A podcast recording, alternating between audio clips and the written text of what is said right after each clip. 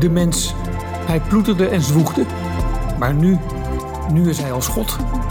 En kan er maar beter goed in worden. Dit is het tijdperk van de mens. Welkom in het Anthropoceen. Welkom terug bij de podcast van Replanet Nederland en ecomodernisme.be. Mijn naam is Marco Visser. Bij ons te gast in onze studio is Jurgen Tiekstra. Jurgen is journalist en hij schreef een van de meest originele boeken over het klimaat die ik heb gelezen. Het klimaatdebat als lachspiegel met als ondertitel Mens zijn in een warmere wereld. Jurgen, hartelijk welkom. Bedankt. Jurgen, je bent freelance journalist. Uh, je schrijft onder meer voor Binnenlands Bestuur, een blad voor ambtenaren. Uh, het Historisch Nieuwsblad. Je stukken verschenen ook in de VPRO-gids, de correspondent. Uh, je recenseerde literatuur voor NRC Handelsblad. En nu ontvang je gasten voor de Nieuwe Wereld TV, het digitale interviewkanaal van filosoof Ad Verbrugge. Um, dus jij schrijft over van alles. Wanneer dacht jij, ik moet een boek schrijven over het klimaatdebat? Ja, dat weet ik niet meer precies. Uh, maar dat was een aantal jaren geleden. Uh, ik denk dat toen in de Volkskrant die ik op de mat heb, uh, dat daar misschien in de zomer of zo ernstige verhalen over stonden. Over klimaatverandering en extreme weersgebeurtenissen. Dat ik toen tegen mijn vrouw zei, nu wil ik het zelf echt, echt gaan uitzoeken hoe het nou zit. Want ik mm. maakte me daar zorgen over. En ik heb in de jaren daarvoor ook op basis van mensen die ik zelf sprak, die de meest omineuze verhalen vertelden over de toekomst, uh, was, ik, uh, was ik bezorgd geraakt en ging ik zelf tegen mensen aantetteren van uh, besef je al wat er gebeurt? En ik ergerde me echt kapot aan mensen die voor een weekend vanuit Eelde, want ik woon bij mm -hmm. Groningen, naar Polen vliegen of naar Kestaat of zo voor een weekendje of naar Portugal. Dus ik maakte er ernstig zorgen over, ook omdat ik zelf jonge kinderen heb. En ik, ik identificeerde mezelf snel met de groep mensen die zich daar zorgen over maakt in dat mm -hmm. politieke spectrum. Ja, toch is jouw boek niet zozeer een boek over wat klimaatverandering precies is en hoe erg het allemaal gaat worden. Jij hebt ervoor gekozen om een boek te schrijven over het debat over klimaatverandering. En je, uh, en je, ja, je noemt het een lachspiegel, hè? het klimaatdebat als lachspiegel. Waarom heb je gekozen voor dat woord in, die, in, in de boektitel? Wat bedoel je hiermee? Ja, want ik begon een boek te schrijven, meer dacht ik, nou, ik, uh, ik was wat filosofie en sociologie aan het lezen. En dat, dat het idee van het project van de moderniteit waarin we ons bevinden, dat al vier eeuwen gaande is vanaf de wetenschappelijke revolutie. Dat, dat, dat loopt nu eigenlijk uit. Terwijl we het nu zo goed hebben in een enorm lastige situatie dat we de het klimaat veranderen. En, dus ik wou meer maatschappelijke filosofisch dat eerst in, in kaart brengen van hoe zijn we op dit punt aanbeland. Ja, ja. en je bedoelt eigenlijk dat, dat klimaatverandering een onbedoeld bijgevolg is ja. van, van de afgelopen 400 jaar. diepe wens om het gewoon beter voor elkaar te krijgen in ons leven en niet meer zo ziek en arm te zijn zoals we eeuwenlang zijn geweest. Dus het is eigenlijk een soort voorlopige slotsom van die 400 jaar van een enorme ontwikkeling. Waar wij eigenlijk de, de, de peetkinderen van zijn en de erfgenamen. Dus ik wilde eerst even in kaart brengen van hoe zijn we weer in aangeland. En misschien is dat ook die historische lijn die ik dan heel prettig vind om wat overzicht te creëren. Maar gaandeweg, toen ik aan het inlezen was, uh, toen stuitte ik eerst op, op uitspraken van Hans Oerlemans, die hoogleraar aan de Universiteit Utrecht was, uh, die dit gletsjeronderzoek, waarin hij wees op uh, dat, dat het klimaatsysteem niet lineair is. Dat de chaostheorie van Konrad Lorenz uit de jaren zeventig op, ervan op toepassing van is. Dus dat betekent dat de voorspellende vermogen, vooral op regionaal gebied, is heel eigenlijk ondoenlijk. Dat beschreef hij.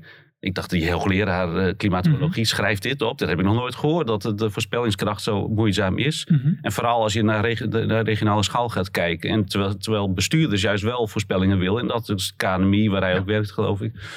In het verleden, ja, moet ik even terugzoeken. Dat hij ook rapporten schreef met prognoses die eigenlijk maar heel weinig... Uh, waarschijnlijk een lage waarschijnlijkheidsgraad hadden, maar die toch besteld worden en afgeleverd mhm. worden. In ieder toen ging ik ineens nadenken van, maar hoe, ja, hoe, zit het debat eigenlijk in elkaar? Hoe, is er onzekerheid? Dat wist ik niet. En gaandeweg, uh, als je dan ook nog verdiept in alle andere ecologische discussies in de 20e eeuw over uh, de bevolkingsgroei. De, eigenlijk de bevolkings, uh, de population bomb, er in de mhm. jaren 70 gezorgd over waren. De vervuiling, de zure regen, de de nucleaire winter die eventueel uh, kon, zich kon voordoen. Er zijn allerlei discussies geweest die precies zo gaan als nu. Dezelfde bewoordingen, dezelfde eh, beroemdheden die naar, over het voetlicht eh, eh, treden. En wetenschappers die meest alarmistische uitspraken doen. Dacht ik van, maar eh, ja, wat is eigenlijk eh, onze eigen rol als mens hierin? Mhm. Dus hoe we zelf, dat het een menselijke discussie is. Ja. Dat ging ik toen blootleggen. En met de lachspiegel bedoel je misschien ook dat sommige aspecten dan enorm worden uitvergroot en andere kleiner worden gemaakt, waardoor het, het zicht op wat er werkelijk gaande is ernstig vervormd is. Ja, ik dacht ook van, eh, we mogen ook af en toe om onszelf lachen. Hoe we elkaar de tent uitvechten. En Mhm. altijd weten hoe, hoe het gelijk aan onze kant staat. Dat de andere een totaal eh, nitwit is. Mhm. Terwijl eh, als je alleen al kijkt naar het feit dat de, de, de zorgen heel netjes over de politieke lijnen verdeeld zijn. Dus de ene kant van de Kamer maakt zich zorgen over immigratie. De andere kant maakt zich zorgen over natuur en klimaat. Ja, ja. Als het zo netjes is verdeeld, dan moet het toch meer aan de hand zijn dan pure feitelijke Ja, ja. risicoperceptie. Ja, Maarten Boudry heeft er ook wel over geschreven. Hè? Hij heeft het over de, de behoefte aan, aan ja, iedereen heeft zijn favoriete probleem, zeg maar. En, en mensen moeten zich altijd ergens zorgen over maken. En inderdaad, aan de ene kant kan het zijn eh, dat die zorgen uitslaan naar klimaatverandering. Waarbij de zorgen om, om migratie eh, minimaal zijn. En in de andere kamp kan het precies tegenovergesteld eh, zijn. Maar kennelijk is er wel een behoefte aan het gevoel dat er een probleem op ons afdoemt. Dat dat, dat dat vreselijk groot wordt en dat moet worden benoemd en aangestipt en, en bevochten. Ja. Dus er wordt al snel, eh, ja, wordt een soort stripverhaal al snel. Een cartoonwerkelijkheid. Mhm. Wordt er van, alles, van allerlei problemen gemaakt die heel, eh, heel eh, ingewikkeld zijn. En dus gaat mijn boek er dan deels ook over hoe gaan we als moderne samenleving met onzekerheid om? Ja. En hoe vertaalt zich dat in het eh, maatschappelijk debat en onze En- betekenisgeving? Ja, zoals jij het beschrijft, eh, je schrijft het, eh, de, de crisis is iets anders dan praten over de crisis. Ehm, dit is ook wat jij bedoelt hiermee, toch?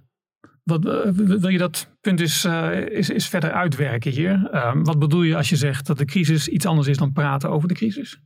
Nou ja, je hebt eigenlijk. Een, we constateren met z'n al, al een, een, een bepaalde gebeurtenis. Dat wij de koolstofcyclus verstoren met een Hm. relatief kleine toevoeging van eh, CO2 door de mens. Want er is een natuurlijke koolstofcyclus die heel groot is, maar wij brengen het wat uit balans, waardoor die koolstofdeken eh, dikker wordt in de troposfeer, die eerste 15 kilometer rond de aarde. En dat dus meer warmte wordt vastgehouden als je dat constateert, ja, dus eh, eh, alleen mensen maken zich daar zorgen over. Een eekhoorn die de boom in vlucht, die maakt zich Mhm. daar geen zorgen over. Dus het is, wij kunnen ons daar ons zorgen over maken. Dus het zegt al iets over het zelfbewustzijn van de mens. En ehm, eh, ja, wat moet ik kun je nog even... Nou ja, ehm, de, de, de crisis is iets anders Oh ja, dan praten over de crisis. Eh, maar er zit al het woord crisis meteen Dus dan moet je inderdaad in. al, Dus- al, al constateren, alleen wij mensen kunnen constateren dat het een crisis is. En dus dat Mhm. er echt een, een, eh, een fase is in de ontwikkeling die, die, die helemaal uit de verkeerde kant uit kan vallen. Want het is een soort beslissende fase in de ziekteverloop. Daar komt het woord crisis vandaan. En van kritiek, van onderscheidend. En dan kunnen we gaan eh, erover na gaan denken, wat voor betekenis heeft dit voor ons? Bijvoorbeeld, eh, is het eh, het failliet van onze samenleving, van de, de, de kapitalistische samenleving? Of is het gewoon een, een soort hiccup in, in de voortgang van de vooruitgang die we al Mhm. 400 jaar geleden hebben ingezet? Ja. Heeft het, te ma- is het een technisch probleem dat we technisch kunnen oplossen? Of moeten we dus het hele systeem opnieuw gaan in- inrichten? Dus allerlei Mhm. belangengroepen en politieke invalshoeken die gaan dan strijden om hoe we dit moeten kadreren. En wanneer er eh, bijvoorbeeld een overstroming ergens plaatsvindt, of we hebben een zomer met, met, met, met bosbranden, dan wordt er gezegd de natuur slaat terug. En dat is, dat is praten over de crisis. Volgens jou, dat is een interpretatie geven aan een weersfenomeen, ehm, waardoor jouw mening over klimaatverandering ja, eh, weer naar voren komt. En, en, en waardoor de gebeurtenis van klimaatverandering betekenis krijgt.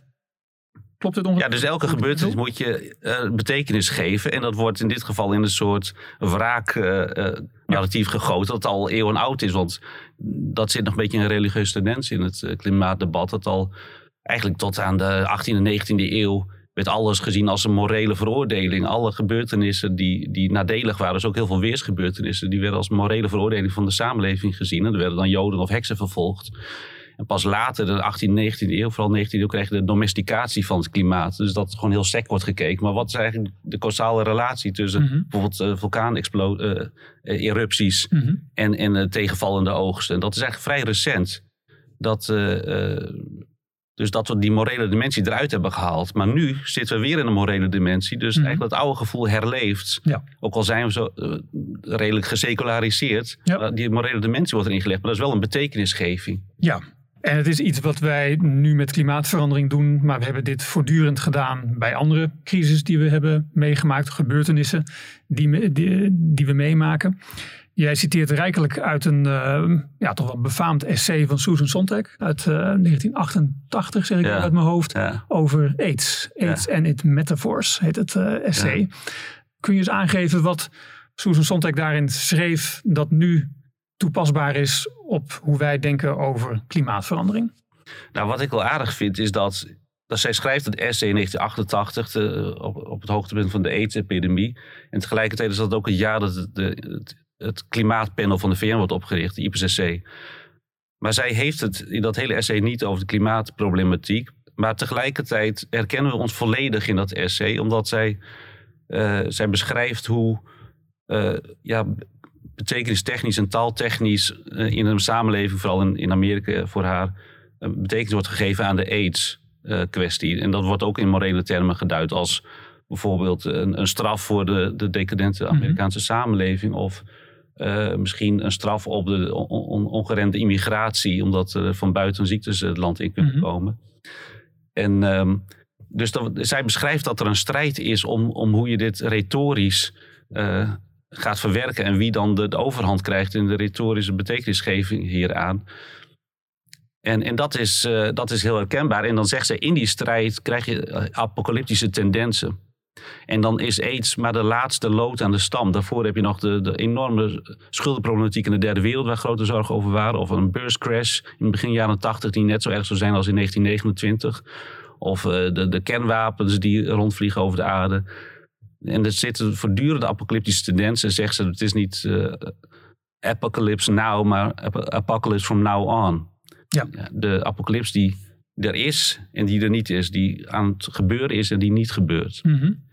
En dus de hele klimaatdiscussie wordt dat jaar pas echt uh, uh, in de maatschappij geïntroduceerd via een hoorzitting in, in de, de Verenigde Staten met James Hansen, die dan de, Mhm. mm -hmm. de noodklok luidt, omdat het een hele uh, warme juni-maand was in 1988 in de Verenigde Staten. Maar dat is nog vlak na haar essay. Tegelijkertijd beschrijft zij al dus de sfeer en de betekenisgeving die we nu ook hebben. Mm Mhm. -hmm. Dus dan zit er kennelijk ja. iets minder incidenteels aan dan we denken. De manier van praten, de manier van betekenis geven. Het is, het is gewoon een systemisch iets ja, ja. Ja. in de moderne waarin, samenleving. Waarin ook de een, een, een vreemde behoefte aan de apocalyps verwerkt zit. Ja, dus ze heeft er over zelfs een medeplichtigheid, omdat we ook op een bepaalde manier een ramp willen. Uh, dat is heel contra-intuïtief, maar omdat we on onvrede hebben over de samenleving, dan ontstaat er een uh, momentum als er een politieke of, of maatschappelijke gebeurtenis plaatsvindt. Dan kan er verandering, de, Mhm. het begint wat te schuiven. Ja. Dus de, iedereen gaat kijken in, in een moment van crisis, wat kan ik hiermee gaan doen? Moet er... Uh, moet het kapitalisme ten einde worden gebracht of moeten de grenzen worden gesloten? Iedereen ziet daar. Dus we willen ook enigszins een ramp. En ik heb ook al eens een ander wetenschappelijk essay uh, of, uh, gelezen. Nee, een wetenschappelijk artikel. Het ging over die kleine eilanden in de Stille Oceaan die, uh, die ten onder water kunnen gaan lopen. En dat essay, nee, ja, een wetenschappelijk artikel, maar misschien was het ook een soort essay, heette Wishful Sinking. Dus als variatie op wishful ja, ja. thinking Mhm. ging er over de westerse visie, meer een soort voormalig kolonialistische visie op die kleine eilandstaten is. Zij zijn passief, ze kunnen zich niet redden, dus ze gaan ten onder. En dat, is, dat dient ons narratief in het Westen van wij willen verandering. En dat werd in dat artikel nog uh, weer gelieerd aan dat, uh, ik denk na de Tweede Wereldoorlog, dat er atoomproeven werden uit, uh, Mhm. gedaan. En dat toen ook bevolkingen daar weg werden gehaald. Dus, hè, dus mensen worden daar passief gemaakt alsof zij zich niet zouden kunnen aanpassen, Mhm. niet kunnen redden. Die tendens zit erin. Snap je wat ik bedoel? Dus je wil haast dat zo'n eiland ten onder gaat, omdat Ah. het bewijst dat er een verandering moet komen. Ja, ja. ja je zoekt naar uh, argumenten, naar, naar, naar feiten die jouw verhaal ondersteunen. Ja. Dat de apocalyps waar jij in gelooft, Ja. dat die ook echt aanstaan. En dan maak je die mensen in die, op die Stille Oceaaneilanden passief. Je maakt een hele interdimensionale werkelijkheid van. En dat doen we met Afrika ook. En ook Frederik Otto, uh, die aan Oxford University zit, die, die maakt zich ernstig zorgen. Dat is een klimatoloog, maar die zegt ook... Uh, Don't blame climate change. Zo'n zo opiniestuk heeft in Nature geschreven. Dat ging vooral over Afrika. Van niet alles komt door de, de klimaatverandering. Rampen zijn, die, dat is klimaatverandering, kwetsbaarheid op de grond en nog andere elementen. Mm het, het, is een samenloop van omstandigheden dat er een ramp gaat plaatsvinden. Het komt niet door één element. Mm -hmm. En, maar wij maken die Afrikanen passief, alsof ze er nergens iets aan kunnen doen. Alsof, ja, ja. alsof ze volledig zijn overgelaten aan ons. Dan heb je dat boek van David van Rijbroek, zegt hij, wij kolonialiseren opnieuw de Afrikanen met onze klimaatverandering, uh, mm -hmm. door ons veroorzaakte klimaatverandering. Ja, ja. Dus waardoor je ook klimaatvluchtelingen krijgt als term die voortdurend opduikt. Ook al blijkt dat in de totale vluchtelingenstroom het aantal mensen dat vlucht vanwege een veranderend klimaat natuurlijk vrij beperkt is. Nou ja, dus dat, dat komt ook terug. We maken dat continent helemaal passief. Mm Helemaal vanuit het westerse perspectief in, in het flagellanten uh, narratief van dat we ons zelf op de rug slaan. Nou, er zit dus ook weer een narratief van schuld. Nou ja, daar, kun je ook, daar schrijf ik volgens mij in mijn boek ook over. Nou, laten we daarover hebben. En, en ik wil jou vragen om een stukje voor te lezen. Um, een stuk dat op pagina 43 begint. Ja, je had het uh, mij gevraagd. Ja, dus daar heb ik het over. Het is een beetje. Uh, uh, om een punt te maken, zet ik het wat dik aan. Maar het is mm -hmm. wel heel interessant. Ja. ja, misschien moet ik het nog inleiden met te zeggen van, dat ik hierin beschrijf dat bijvoorbeeld de biodiversiteit bedreigen of de wereld vervuilen. Of ja, wat doen we nog meer? De CO2-uitstoot. Dat zijn op zich natuurlijke fenomenen vervuiling komt ook door bacteriën. Mhm. En ook de zuurstof dat het in de wereld is gekomen, dat is voor andere wezens een, een giftige stof. Wij kunnen erop leven. Ja. En, en, eh, en, uh, en geiten en, en uh, ijstijden die vernietigen de biodiversiteit ook. Waardoor zelfs in Nederland de biodiversiteit nog aan het herstellen is van de vorige ijstijd. En dan schrijf ik hierin, wijst de eerste van de anaerobe microflora, dus de microflora die niet tegen zuurstof kunnen, aan die zich schuldig voelt omdat hij tetramethylood of methylkwik uitstoot en daardoor de leefomgeving van andere levende wezens vergiftigt. Wij is de eerste geit aan die zich schaamt omdat hij een vlakte dermate kaal heeft gegeten dat hij het heeft prijsgegeven aan de verwoestijning. Kijk naar de stekelige zeester met de Bijbelse naam Doornenkroon, die koraalriffen zo grondig afgeraasd dat in de jaren 1960 gevreesd werd voor het einde van het Great Barrier Reef.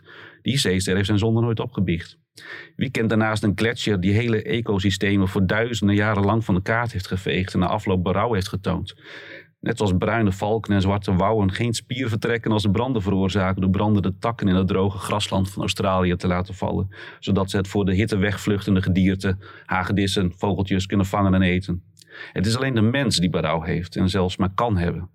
De mens voelt zich schuldig over het spoor dat hij achterlaat in de natuur en de invloed die hij heeft op de samenstelling van de atmosfeer. Niet het feit dat de mens die invloed heeft is uniek, maar het feit dat hij daar besef van heeft en spijt kan voelen. De mens mag zelfs trots op zijn dat hij het vermogen heeft om te reflecteren op zijn acties. Daardoor heeft de mens als enige wezen de kans om te stoppen met wat niet goed is. Mooi hoor. En je, eh, je gebruikt dit als opmaat naar een ja, beschouwing op de rol die schuld en, en schaamte speelt in ons denken over onszelf eigenlijk. Dus zo'n woord als vliegschaamte is daar natuurlijk ook een mooie illustratie van uiteindelijk. En je ah, legt ook uh, uit hoe die wortels teruggaan naar het protestantisme. Kun je dat idee over, over hoe, hoe schuld zo'n zo rol speelt in het klimaatdebat, kun je dat eens uh, verder uitdiepen? Nou, er, wordt, wordt, gezegd dat, uh, dat is een theorie dat dat in protestantse landen natuurbewegingen groter zijn dan in katholieke landen. Dus bijvoorbeeld in Zuid-Europa zijn ze minder uh, groot. En uh, nou ja, dat, dat is misschien ook een reden dat de Po-vlakte ook een gigantische stikstofuitstoot is. Maar dat het hier via de rechter tot gigantische blokkades uh, leidt. Dus kat, in Italië leeft dat minder, zo'n discussie. Dat is misschien ook wel een, een, een, een symbool daarvan. En dus dat, dat schuldgevoel van de reformatie van de, uh, ja, vanaf 1517 met Maarten Luther, dat uh, de schuldgevoel persoonlijke geloofsbeleving is veel belangrijker geworden dan in het katholieke denken. En dat dat nog steeds doorwerkt. Maar wat ik ook wel interessant vind, is dat in de 19e eeuw krijg je die, die, die natiestaten. Hè? Dus, dus Nederland wordt ook een koninkrijk. Het hele bestuur wordt gecentraliseerd. Dat gebeurt overal. En, en, en, en de, het kolonialisme wordt, dan, die wordt nog veel groter dan in de eeuwen daarvoor. Dan krijg je echt nou, dat Nederlands-Indië wordt onder, onderworpen, dat de Java-oorlog wordt gevoerd, de Aceh-oorlog en zo. Dat Groot-Brittannië zich enorm uitbreidt. En uh, in Amerika wordt een grote macht, want omdat ze het Spaanse Rijk verslaan. En uh, dan Cuba innemen en de Filipijnen. Dus al die landen breiden zich enorm uit. En ze zijn heel erg trots op hun beschaving. En dan heb je dus in Nederland de ethische politiek. We gaan onze beschaving uh, ja, verspreiden over de wereld. En de, de Frans met de Mission Civilisatrice en de White Man's Burden, waar ze in Groot-Brittannië over hebben. Dus er is een trots op, je, op, je, op, je, op wie je bent als cultuur. En dat is helemaal omgedraaid. En dat zal wel uh, in, in, vanaf de Eerste en de Tweede Wereldoorlog zijn gebeurd. En, en terecht. Maar nu lijkt er het tegendeel te zijn van... Wij, wij, wij moeten ons voortdurend schamen. Uh, voor, en, en, en, maar er, er, zit ook een soort... En schamen waarvoor? Nou, voor onze invloed op de wereld. Mm -hmm. En er zit daar tegelijkertijd weer een, een verkapte narcisme in. Dat wij denken dat alles aan ons ligt. Ja. En dat, dat is ook grappig. Dus dat, dat versluit de discussie alsof wij de hele wereld bepalen vanuit Nederland bijvoorbeeld. Ja. En Nederland doet natuurlijk op dit moment helemaal niks met het, ja, het, het CO2-uitstoot. En wij kunnen er ook iets aan doen. Want wij zijn toch ook machtig op een bepaalde manier. Er zit nog steeds al narcisme in. Uitstoot terug te dringen. Ja, precies. Ja.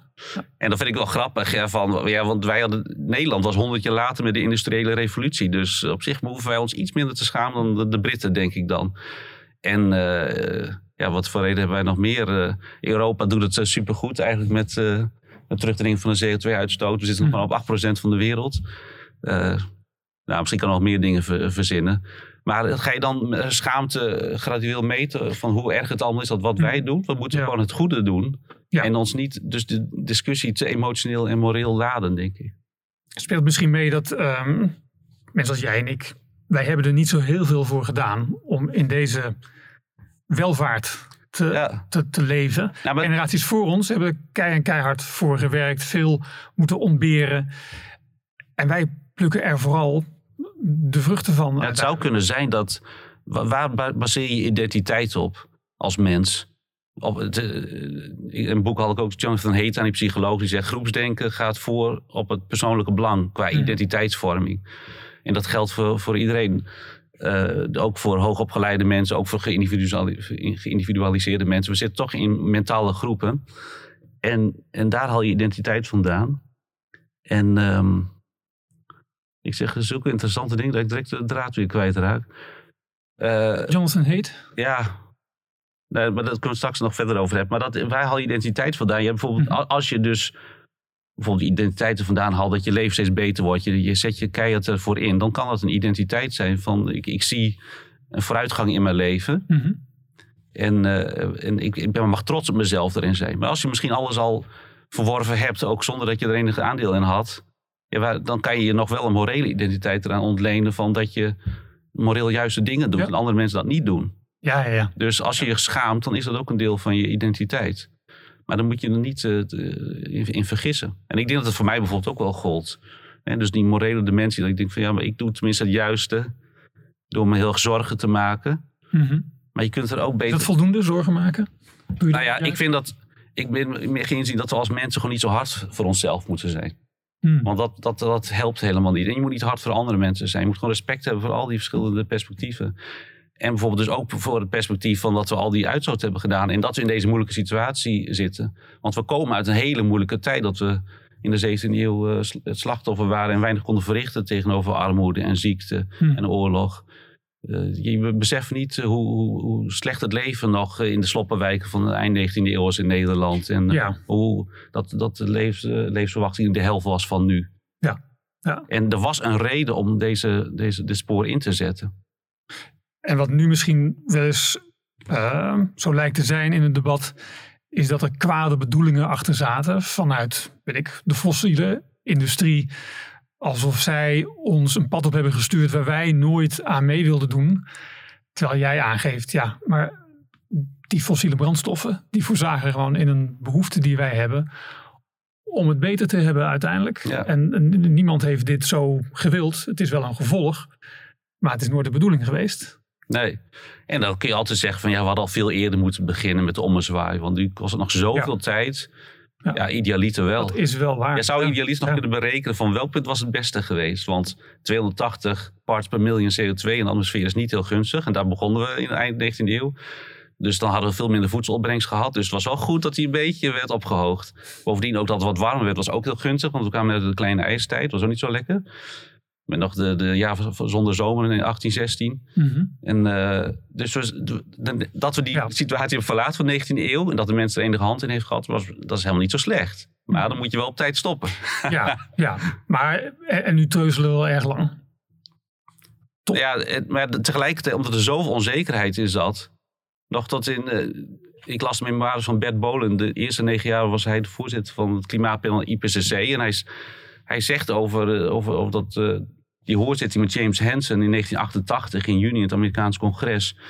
Hè, dat, dat, dat die, hij, die man heeft de publieke discussie in gang gezet, James Hansen. Maar in de, de wetenschap was er helemaal geen consensus over.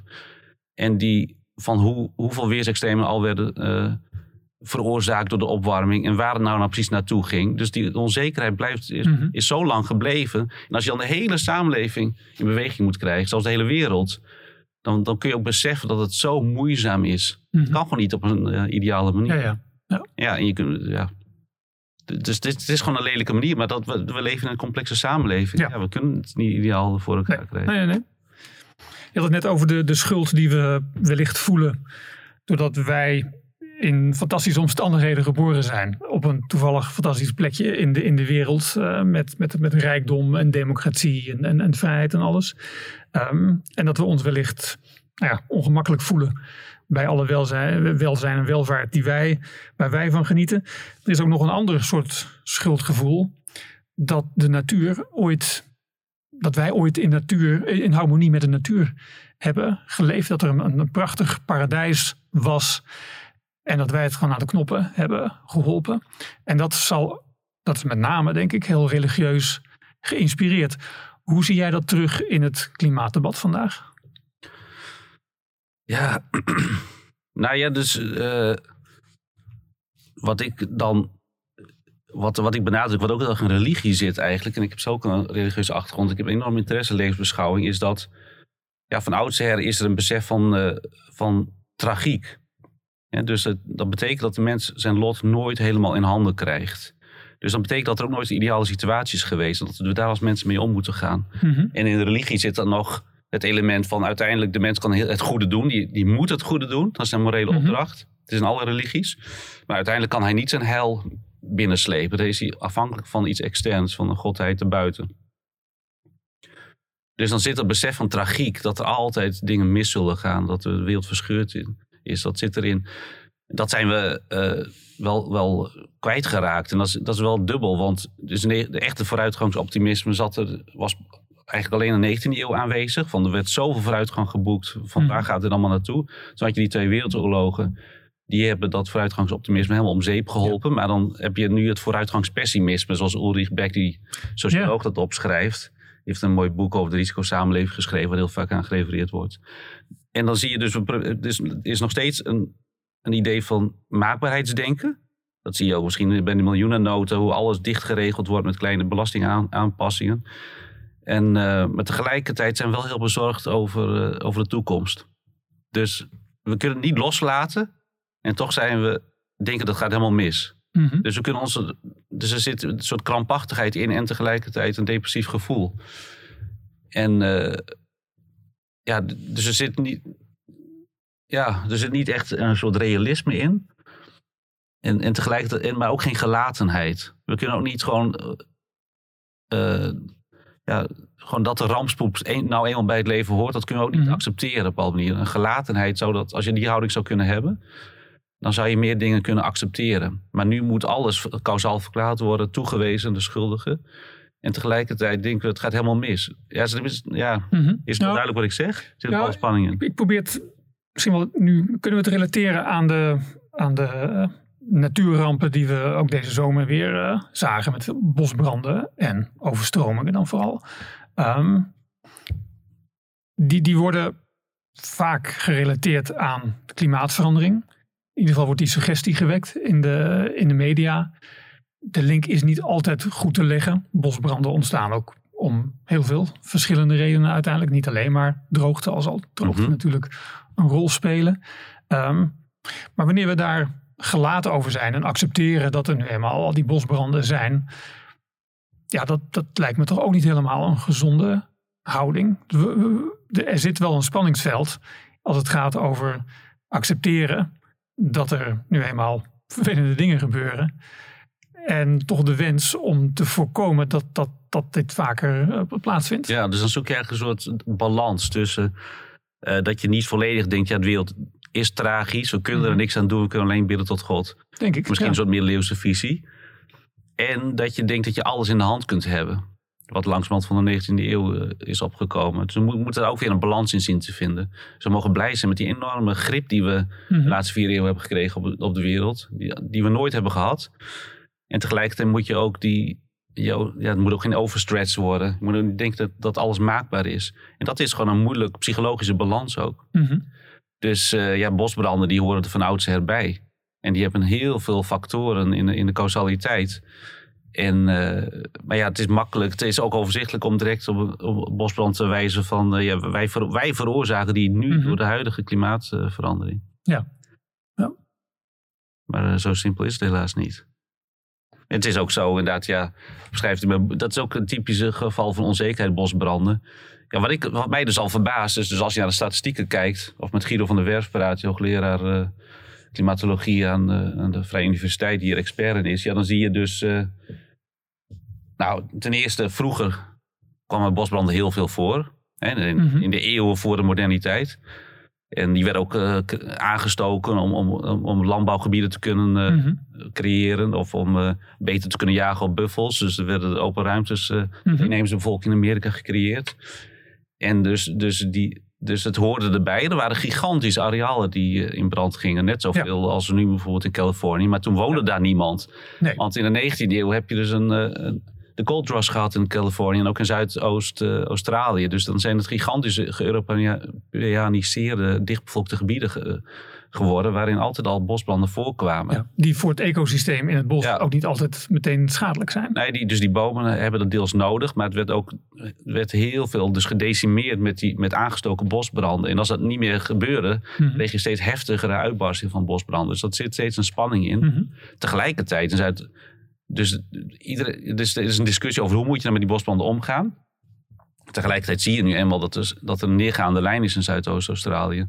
Een neergaande lijn is in Canada. En in Californië ook tot voor kort. Dat Eh, Neergaande als in er ja, zijn minder, minder bosbranden. bosbranden, maar ze komen misschien vaker in het nieuws. Ja, dat, de- Mhm. en meer, er wordt meer materiaal bedreigd. Bijvoorbeeld in, in Zuidoost-Australië kreeg je ook, werd, werd eigendom aangewezen. Dit gebied is van mij. Dus er wordt eigendom bedreigd. En dus Ja. dat idee dat, dat er eigendom is, land is, hoort van jou. En dat kan bedreigd worden, wil je voor verzekeren. Dat is een nieuw, dat is een Europees idee dat Mhm. daarvoor niet was. En ook in eh, Zuid-Europa nemen de branden af. Maar dat is niet inderdaad het idee dat je krijgt als je Nee. het nieuws kijkt. Tegelijkertijd de kwetsbaarheid van droogte en eh, hitte maakt de, ja, de, de, de omstandigheden soms wel vruchtbaarder voor brand. Mhm. Maar ook bijvoorbeeld dat er bepaalde plantages worden aangelegd van brandbare bomen die er oorspronkelijk niet voorkomen, zoals in Portugal. Of eh, dat, eh, dat eh, het landelijk gebied minder dichtbevolkt is, waardoor er veel meer begroeiing is dat kan gaan branden. Ja, dus de landbouw verdwijnt daar bijvoorbeeld. Er zijn allerlei elementen Mhm. die, die ook niet met klimaatverandering te maken hebben. In je boek heb je ook een aantal fragmenten waarin je lijkt te benadrukken dat er vrij veel onzekerheid in die klimaatwetenschap zit. Ja, Nog altijd. En wanneer het bijvoorbeeld gaat om het effect van de wolken op de temperatuur, die zijn gewoon heel moeilijk te meten. Het is ook maar net wat voor aannames je in die computermodellen eh, stopt voor de, voor de toekomstvoorspellingen uiteindelijk van het klimaat. Ehm, en je hebt het nu over de, het extreme weer, waar je ook kanttekeningen bij plaatst in hoeverre die nou echt te maken hebben met klimaatverandering. Ehm, is dat niet toch een beetje ook een flirt met een soort klimaatskepsis? Ehm, van ja, is het probleem eigenlijk wel zo groot als we zo vaak lezen in de krant? Ja. Nee. eh. Lastig hè? nee, eh, eh, klimaat. Nee, dus. eigenlijk, ja. Nee, ik denk uiteindelijk wat, kun je de, de, noem je dat? De, het preventieve denken. De zo, het uh, voorzorgprincipe. Ja, dat, Mhm. dat moet je aanhouden. Moet je nog wel een beetje kostenefficiënt gaan nadenken. Ik las ook in het Ja. nieuwe boek van Pieter Omtzigt. Dat hij ook zegt in, in een tussenzin van... eh, eh, als het om klimaatverandering en klimaatadaptatie gaat... wordt elke doelmatigheid eh, raakt uit zicht. Dus doelmatigheid als begrip van eh, hoeveel Mhm. investeer je en wat brengt het op? Ja. Want het wordt een, eh, je krijgt toch een soort, eh, het wordt een beetje zwart voor je ogen als we denken van we moeten alles nu redden voor onze kind, kinderen en kinderen. Dus je moet gewoon een nuchter eh, beleid hebben. Ja. En eh, preventief eh, en, en hopen dat het misschien... eh, maar ja, dus, nee, ik, ik, ik vind het ook echt onverantwoordelijk om, om dat je gewoon alles ontkent. Want ja, de- hoeveel aanwijzingen zijn er nou voor dat de, de menselijke Mhm. bijdrage zo klein is? Ja, dat, dat, hoor je, dat zie je nergens. Maar de onzekerheden moet je ook niet... eh, Mhm. Nee, nu wordt het een beetje een warrig verhaal. Je moet gewoon nuchter zijn en ontkennen dat, dat ik zie daar geen enkele basis voor. En dat zou ik dan wel echt onverantwoordelijk vinden. En ook, je ziet geen, geen basis voor alarmisme en je ziet geen basis voor ontkenning van klimaatverandering. je hebt gewoon gerechtvaardigde zorgen die, Ja. die, waar je nuchter en, en niet polariserend ook met elkaar over moet praten. En alle kritische opmerkingen zijn weer een, een mogelijkheid om een stap vooruit te doen. Mhm. Dus we hoeven ook niet bang te zijn. Eh, ik, ik las ook nog. eh, ik las ook Milton Tully laatst. Hè. Dat is leuk om 19e eeuwse denkers te lezen. Mhm. Dus die, die, die ageerde voortdurend tegen de politiek eh, in, Ja. in, de, in de Tweede Kamer en de pers. En dan zegt hij van. eh, eh, ja, maar dan heeft hij het over het blad Dageraad. Ik ken het blad niet zo goed, maar dan leest hij kennelijk. Vindt hij een goed blad. Hij vindt andere kranten allemaal totaal onzin. Mhm. Dat is de essentie van. eh, niet, ze schrijven allemaal over triviale dingen. En dan heeft hij over, ja, mensen lezen, dat- zeggen wat ik lees dat die krant niet, want die heeft niet mijn gevoelens of die vertolkt mijn gevoelens niet. Dan zeg je, ja, hoe kan je dat weten voordat je het leest? En, en en is het ook niet een angst dat je gevoelens minder eh, stabiel zijn dan je denkt? Dat je gevoelens kunnen Mhm. veranderen als je dit blad gaat lezen. Dus hij beschrijft al je, de neiging om een, een bepaald medium te lezen of een bepaalde bevestiging van je eigen gelijk. Mhm. Dat, is een, dat zit er altijd in. Dat is onge, een- het levert ongemak op om naar anderen te luisteren. Dat geldt voor mij ook. Ja, Als maar- ik eh, met iemand praat die echt een totaal ander idee heeft dan ik, dan is het ook even wat ongemak. Er zit wat spanning in, maar Mhm. het is uiteindelijk ook weer heel mooi om te kijken. eh Je, je, wat noemt, levert dat op? je noemt in je boek ook het werk van Jonathan Haidt. eh, een sociaal psycholoog, denk ik, hè? Ja. Die, die onderzoek doet naar hoe, hoe wij nu eigenlijk denken. En hij geeft onder meer aan dat wij vaak onze mening al hebben. Op een soort ja, onbewust emotioneel niveau haast. En dat de, de rationalisering pas achteraf komt. Zeg ik dat zo goed? En dat Ja. zul je ook waarschijnlijk hebben met, met klimaat. En als ik, ik dus iemand hoor praten oh, die misschien wel iets te veel wijst op alle onzekerheden in de klimaatwetenschap. Zou ik zo iemand kunnen zijn die daar een beetje onwennig van wordt. En maar wat, wat bedoelt die- diegene nou, eh, nou eigenlijk? Zie je dit ook voortdurend terug in het klimaatdebat? Dat we op een bepaald niveau onze mening gewoon bepaald hebben. En dat we niet meer openstaan om, zoals jij eigenlijk doet trouwens in dit boek, met een open mind naar, eh, naar dit onderwerp kijkt. Ja, dat is un- universeel. Dat je direct, en je merkt het ook bij jezelf, direct een sympathie hebt voor een bepaalde politicus. Of eh, sympathie Mhm. hebt voor iemand, een collega. Of sympathie hebt voor iemand op straat. Of dat Of iemand dat je weet waarom ook. Ja, of Mhm. dat iemand zegt iets, of die iemand die pleit voor duurzaamheid en je voelt je direct verbonden ermee. Het gaat heel snel. En dan is het echt psychologisch en cognitief moeilijk Mhm. om goed te luisteren zonder vooroordelen naar iemand die het, iets vertegenwoordigt wat jij irritant vindt, of wat je moeilijk vindt, of wat je bedreigend vindt. En, en dus dan ga je al heel snel rationaliseren waarom jouw kant gelijk heeft. Maar het kan Mhm. altijd zo zijn dat de andere kant gelijk heeft. En dat zijn ook gewoon mensen met hun eigen verhaal achter hun, hun eigen argumentatie, hun eigen psychologie. Eh, we het is mooi om juist de verbinding te kunnen leggen, maar dat is iets heel moeilijks. Dat geldt voor iedere mens, Mhm. dat geldt ook voor mij. Maar ik vind het heel mooi gewoon een verbinding te maken met mensen. Uiteindelijk, uiteindelijk zijn we allemaal emotionele eh, Mhm. wezens die het beste willen. Aan moreel, eh, morele drijfveer ontbreekt het echt niemand in de wereld. Mhm. Zelfs de grootste terrori- terrorist heeft nog een morele drijfveer om het goede te doen. En dat is iets heel basaals waar we, op ons, waar we ons kunnen vinden. Mhm. Maar in juist die morele eh, hardnekkigheid van ons gaan we helemaal, soms helemaal de fout in. Door anderen te verketteren vanuit onze morele angsten. Ja. Of door eh, zelfs aanslagen te plegen.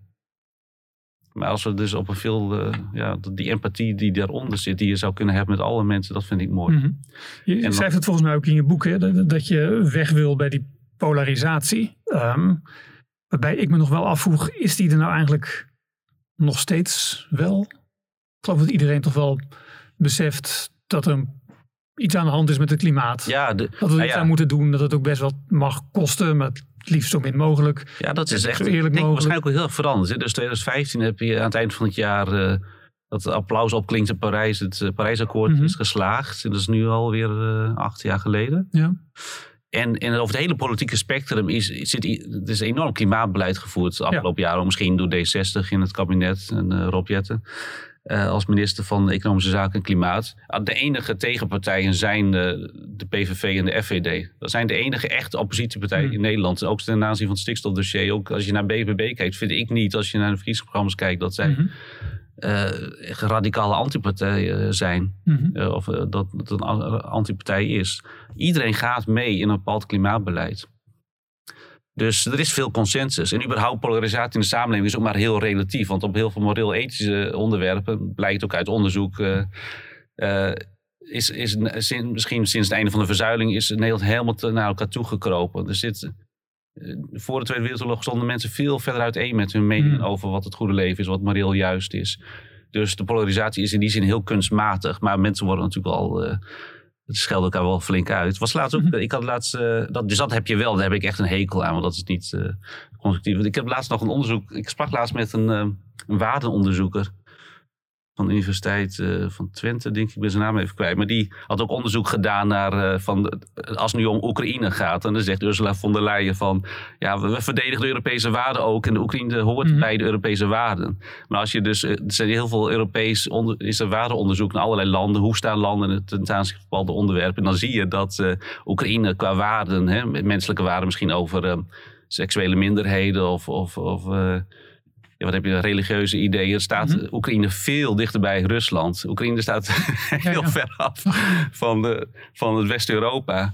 En, en alleen de, de Oekraïnse jongeren, die, dat, dat heb je een lichte wijziging. En dat vind ik grappig. We willen heel graag dat de Oekraïners perfect op ons lijken. Maar de mhm. situatie is gewoon uh, iets complexer. En dat komt dan politiek misschien niet heel gelegen. Maar iemand zei ook tegen, tegen, deze onderzoeken, ja, iemand van de, die bij de Europese Commissie werkt, ja, dat is wel heel ongemakkelijk onderzoek. Maar ja, het leven is ongemakkelijk. ja, en maar in Nederland is, ja, zijn we juist enorm naar elkaar toe. Je hebt gelijk, polarisatie bestaat eigenlijk niet echt meer. Maar toch vecht elkaar de tent uit. Dus hoe kan dat nou? Ja, dan gaat het misschien meer over hoe je dat klimaatbeleid dan precies moet invullen. En, wat, en wat het ons waard is. En, en hoe belangrijk het precies is in de, in, de, in de pikorde van alle andere dingen die ook belangrijk zijn. Ja, nee, maar dus uh, ik, ik, ja, ik, uh, ik, ik uh, hou er niet van mm-hmm. dat mensen. ik vind, je moet respect hebben voor ieder mens, toch? En je moet iemand tot zijn recht laten komen. Mm-hmm. En, en, jezelf weet je ook nooit helemaal of, of je niet tot, of die jaren anders tegen dingen aan gaat kijken. Dat is ook de, noemen ze ook de hermeneutische cirkel. Je interpreteert alles steeds weer opnieuw. Gaandeweg je ouder wordt met nieuwe gegevens. Je, weet, je interpretatie is nooit, mm ook van wat er nu gebeurt, is nooit helemaal afgerond. Ja. We weten wel zoveel dat we echt in actie moeten komen natuurlijk. En de energietransitie moeten doorzetten. Ja. Daar zijn we al een tijdje mee bezig. Maar dan wordt de, de toekomst zo mooi, denk ik. Hey Jurgen, we gaan, zo, we gaan zo afronden. Ik was nog benieuwd hè, naar één ding. Um, ik heb jouw boek met ontzettend veel plezier gelezen. Uh, je, je, geeft ook blijk van enorme belezenheid. Hè? Je noemt ook bronnen die ik eigenlijk te weinig tegenkom in de, in de literatuur. Historici als uh, Joachim Murat bijvoorbeeld, of Anna Bramwell. Um, je schrijft het gewoon ook mooi op, lichtvoetig is het, is het uh, soms zou ik haast zeggen als compliment, zeg maar, want het, het leest gewoon prettig. Um, en met leuke zijstapjes ook, hè, dingetjes. Uh, schiet nu even te binnen. Koning de derde, uh, Willem III, die overleed door een val van zijn paard, omdat hij struikelde over een molshoop. Weet je, dat, zo even achterloos iets. in, in, ja. ja prachtig vind daar, daar geniet ik uh, erg van. Dus dit, zonder dat dit boek een omgevallen boekenkast is, kun je wel merken dat jij je breed hebt georiënteerd. Ja, want je had dus uh, ja, ja, Daniel Defoe, die kennen we van Robinson Crusoe. Ja. Maar in die tijd, in de 17e eeuw, had je gigantische stormen in Bristol en Londen, waar ook uh, Isaac Newton die ging naar de mm bid stond, uh, de, de, nationale vaste dag, want God had Engeland gestraft. Hm. Dus de, de, de, de wetenschappelijke revolutie was al gaande, maar dit soort ideeën waren heel belangrijk. Gods mhm. stem heeft gesproken. Ja. En uh, ja, Daniel Defoe was een politieke vriend van Willem III, de koning-stadhouder die in Engeland de macht had gegrepen. En de katholieke, zijn katholieke mm -hmm. wat was het, zijn schoonvader had weggejaagd. Oh nee, de, zijn zwager was dat. Ja, ik bedoel, ach, niet ook de kant. Maar ja, niet, zo belezen ben ik dus niet. Maar dat zijn gewoon grappige details. Ja. En ook goed voor je historisch besef ja. waar we vandaan komen. Ja. ja. ja. Dus ik, ik, gun, ik gun jouw boek een, een, een veel groter uh, lezerschare dan je tot nu toe hebt, uh, hebt bereikt. Ja, wat weet jij daarvan? Zo nou ja, nee, jij hebt gelijk. nou ja, dit, dit, boek is van vorig jaar en het, het, zegt misschien niet heel veel, maar ik kwam op pas afgelopen zomer dus achter het bestaan van dit boek. En ik dacht, dat is toch wel. Zonde, ja, dat vind ik dus ook raar, hè? Het dient echt een groter publiek, jouw boek. Ja, dus dan Martijn Kalmthout, die was uh, wetenschapsredacteur bij de Volkskrant. En die, die allemaal klimaatboeken, was uh, vorig jaar. En dan, dan, vraag ik hem, waarom heeft hij acht klimaatboeken van uh, Monier Samenwel en van David van Rijbroek en alle andere figuren. Waarom heb jij mijn boek niet? Ja, die kreeg hij niet van de redactie, zegt hij. Dus hoe kan het dat zijn redactie hem niet aan hem heeft hm. gegeven? Tegelijkertijd zegt hij dan, ja, dat boek van David van Rijbroek, dat was het mooiste, eigenlijk het dunste boek, maar het indrukwekkendste. Gebaseerd op zijn huizige lezing aan de Universiteit van Leiden. En dan heb ik nog in diezelfde krant in de Volksland meerdere punten aangewezen waarom David van Rijbroek echt totaal, uh, ja, gewoon totaal onzin heeft verkondigd, klimaatwetenschappelijk. Uh, gewoon feiten die helemaal niet kloppen. Dat weet hij toch ook, neem ik aan. En dan zegt hij alsnog dat dat boek het indrukwekkendste is. En dat hmm. vind ik dan wel weer schokkend. Ja, uh, het is ten eerste moreel verwerpelijk om onjuiste feiten te verkondigen. Bovendien was het heel. Je ondermijnt de geloofwaardigheid van het hele project. Met zo'n lezing, zoals Daad van Rijbroek heeft gedaan. En, maar het komt wel goed uit dat dat boekje uh, heel goed overal in de boekhandels mm ligt. Om het breed verspreiden en hem op te hemelen. Want we willen mhm. verandering ja, dat, dat heeft mij ook wel geschokt. Dat wist ik niet voordat ik dit boek ging schrijven. Dat kom je best wel vaak tegen. Dus, en dan, denk, je dan, denk je dan dat een beetje misinformatie, een beetje schaven aan, aan de waarheid, dat dat gerechtvaardigd is omdat je schrijft over een groot probleem waar we nu echt iets aan moeten doen? Zit dat idee erachter, denk jij? Nou ja, als het over corona gaat of over Oekraïne, of dus allemaal van die hele die crisisdossiers, dan dan, dan zijn we nu gigantisch probleemoplossend bezig. Er moet, uh, dus, dus eigenlijk in die zin geen lange termijnvisie. Er moet nu iets opgelost worden. Maar die, die, dat dossier verdwijnt altijd weer van tafel en dan moeten we weer verder leven met elkaar. En hoe gaan we dan met elkaar verder als we zo losjes met de feiten zijn omgegaan? Of als we mensen, bevolkingsgroepen met andere ideeën en standpunten zo aan de kant hebben mhm. geschoven? Ja. Dus je moet uiteindelijk, en dat las ik ook wel in het boek van Pieter Omzicht, hij zegt je moet een hele goede basis hebben van de instituties en van hoe je met de, bevolking, eh, met, met de informatievoorziening en met minderheden en met kwetsbare burgers omgaat. Dan moet je een hele goede basis hebben. En niet steeds problemen oplossen bezig zijn. Mhm. En dan maar de, de, ja, de, de, de zorgvuldigheid en de integriteit overboord gooien. Omdat je nu iets moet redden. Snap je wat ik bedoel? Juist, ja. We moeten ook naar de klimaatdossier hebben opgelost. Over 50 jaar zijn we bejaard. Dan denk ik van nou, Sommige dingen vielen tegen, sommige dingen waren makkelijker. Het mooie is, dan is er wel weer een ander dossier. Maar dan komt er wel weer een ander dossier, dat weten we zeker. En zo, zo, als, je nu al, als ik nu met iemand spreek, maar zeg ik, ik ga geen kinderen krijgen, want het gaat helemaal mis. Zeg ik, ja, dat zijn ze de jaren zeventig ook. En was toen met de bevolkingsexplosie in India-China had dat te maken. Ja, maar oké, eh, eigenlijk, dus dan zeg ik allemaal dingen, ja, mhm. wat mensen niet weten over de klimaatverandering. Ja, maar eigenlijk de ernstigste crisis is de biodiversiteitscrisis. Ja, dus daar heb je hem al de volgende alweer. Volgende gaande alweer aan. Ja. eigenlijk maakt klimaat me ook niet zo vaak met die biodiversiteitscrisis. Daar maak ik me echt zorgen over. En zo verschuif je altijd weer naar iets mhm. anders.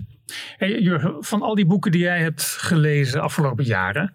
Ehm, van welk boek zeg jij nou, dat boek heeft mij echt op, een, op het spoor gezet waar ik vervolgens zoveel aan heb gehad. Wat, wat was het meest inspirerende boek over dit onderwerp?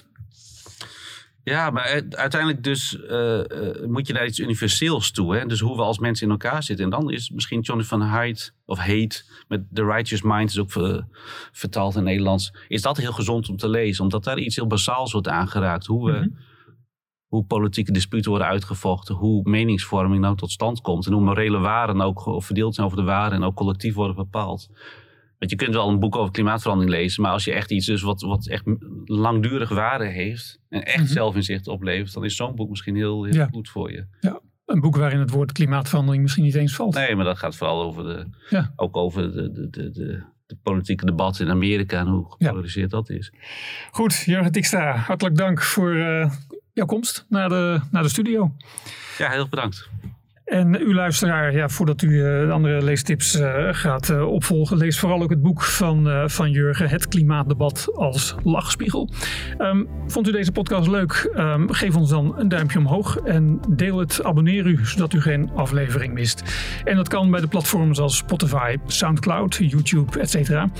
Duik ook eens in ons archief met meer originele denkers over klimaat, natuurbehoud, landbouw en duurzame ontwikkeling.